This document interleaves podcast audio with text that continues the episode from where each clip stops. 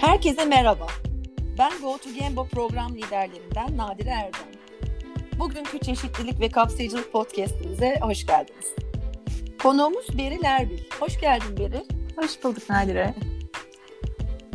Teşekkür ederiz. Davetimizi kabul ettin. Öncelikle seni tanıtalım dinleyicilerimize.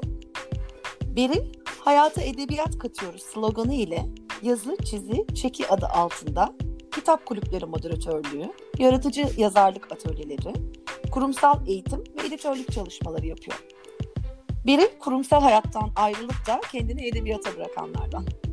Yakın zamanda da bir öykü kitabı yayınlandı.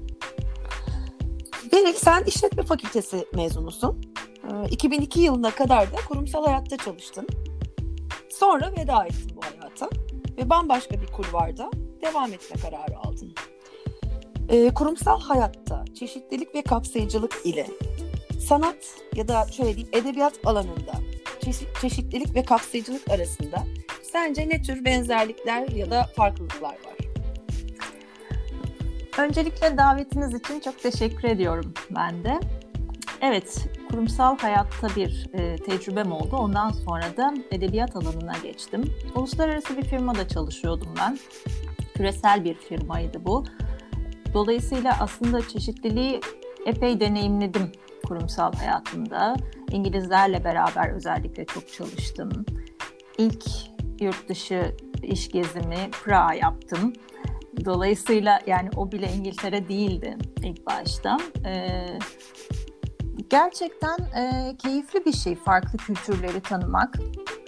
E, benim için bütün özel sektör deneyimim bu yönde oldu e, farklı insanlarla çalışmak, onların iş disiplinlerini görmek, kendimizde de e, aslında farklı değerlendirmeler yapıyoruz. Kendimize de başka türlü bakmayı öğreniyoruz e, bu açıdan.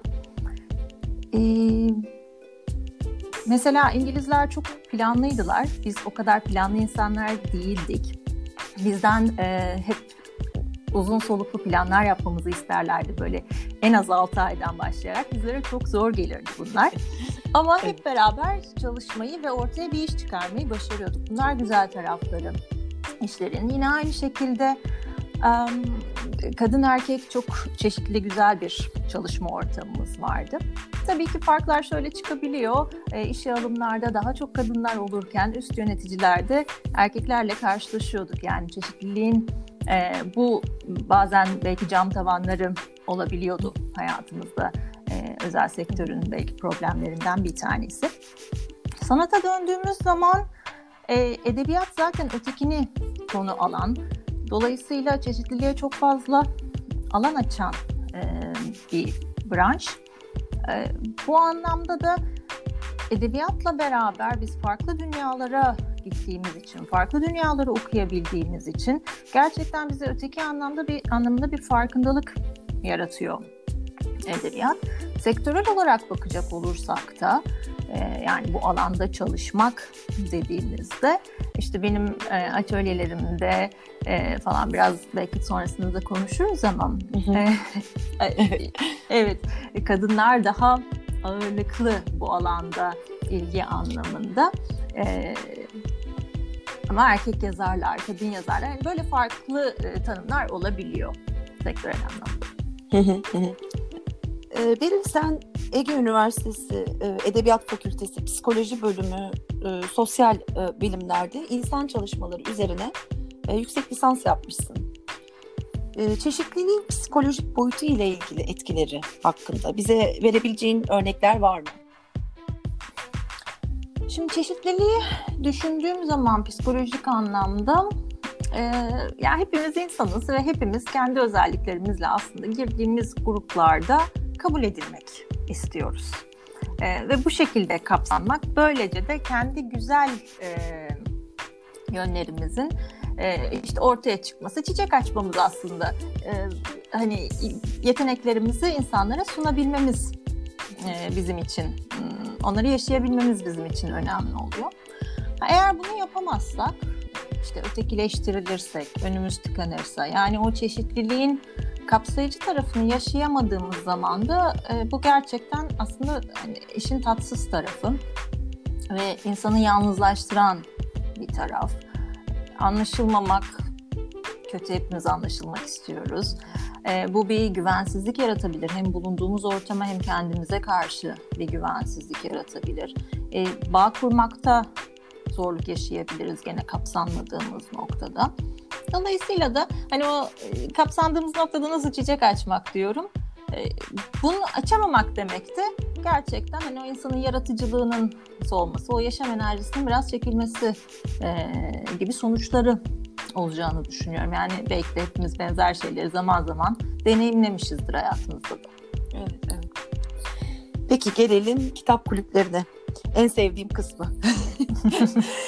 e, bu düzenlediğin kitap kulüpleri ve yaratıcı yazarlık atölyelerinde e, çeşitlilik ve kapsayıcılık ne derece uygulanıyor? Ne derece etkili sence? Evet, e, öncelikle söylemem lazım kapımız herkese açık. Evet. zaman zaman şey soruları alıyorum bu e, gülümsetiyor da beni. E, sadece kadınlar mı katılıyor, erkekler gelebiliyor mu? gibi sorular oluyor. E, tabii ki gelebiliyorlar. E, kapımız dediğim gibi herkese açık. Ama erkeklerin mesela bu alanda daha çekingen olduklarını gözlemliyoruz.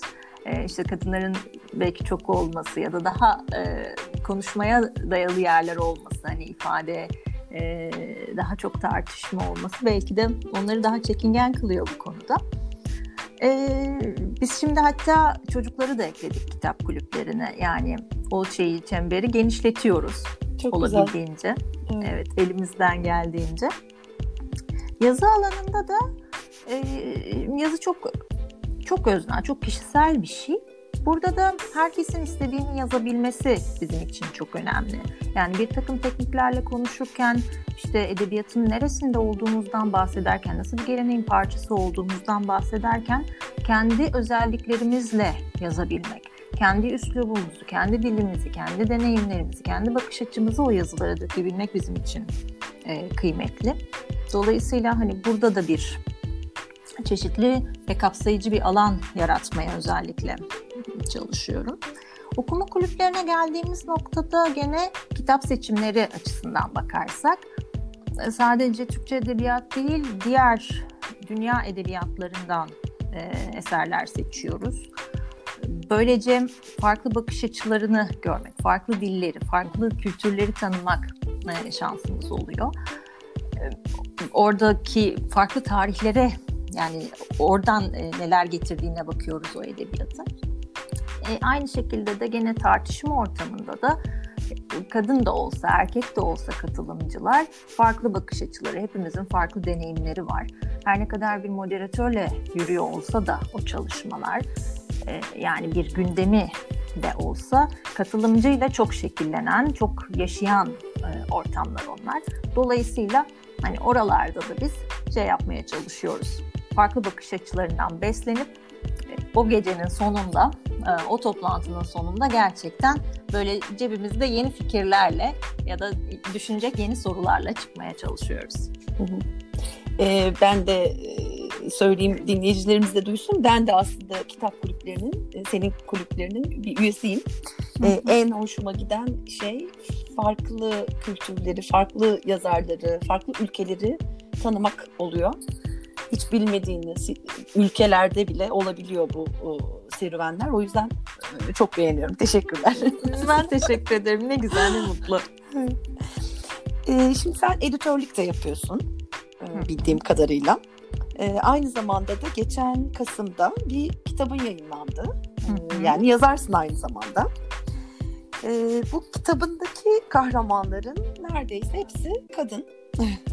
ve evet ve ana metaforda onların uyanışı. Bize biraz bundan bahseder misin? Yani kadınların uyanışı neyi ifade ediyor? Hı hı, tabii bahsederim. Şimdi bizler aslında hayatımızda yaşarken öyle doğup tamamen kendi başımıza yetişmiyoruz tabii ki. Ailemiz, çevremiz, arkadaşlarımız, komşularımız, şunlar bunlar derken sonra okulumuz, öğretmenlerimiz, sonra iş hayatımız, arkadaşlarımız hep bizi aslında şekillendiren etkenler.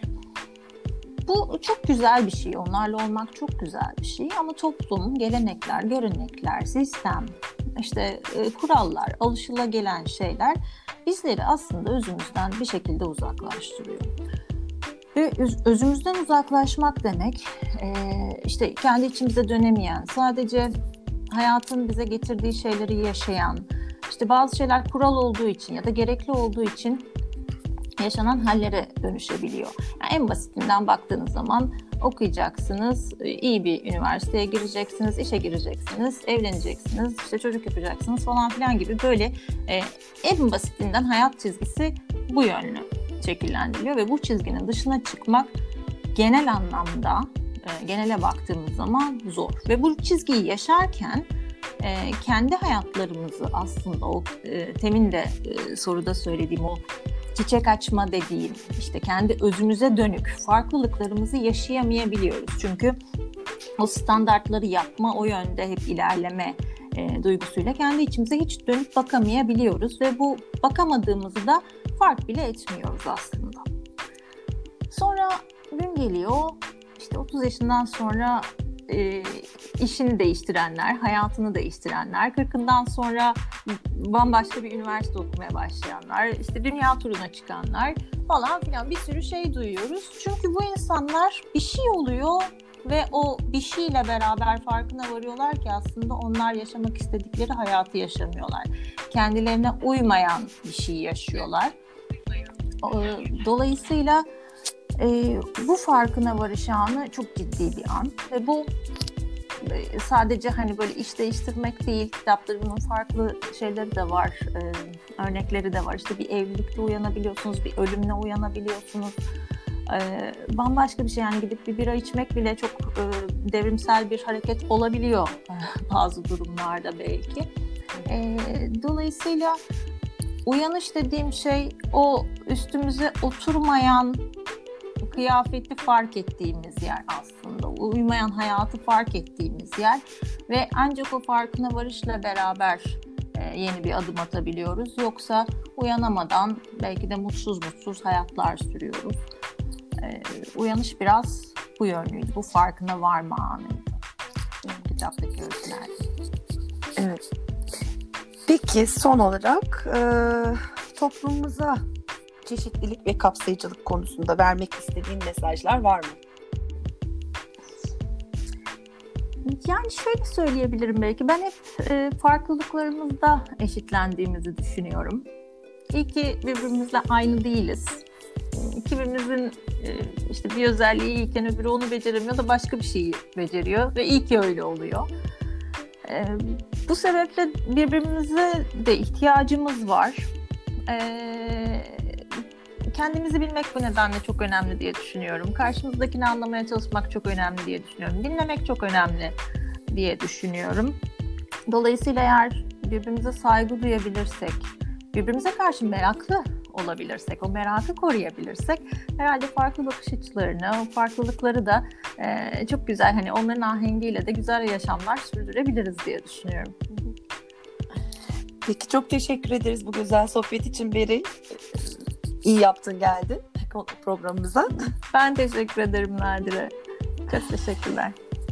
E, haftaya başka bir konuğumuzla birlikte olacağız. Lütfen bizi gotogemba.com.tr'den takip etmeye devam ediniz. Sağlıklı mutlu günler dileriz hepinize. Hoşçakalın.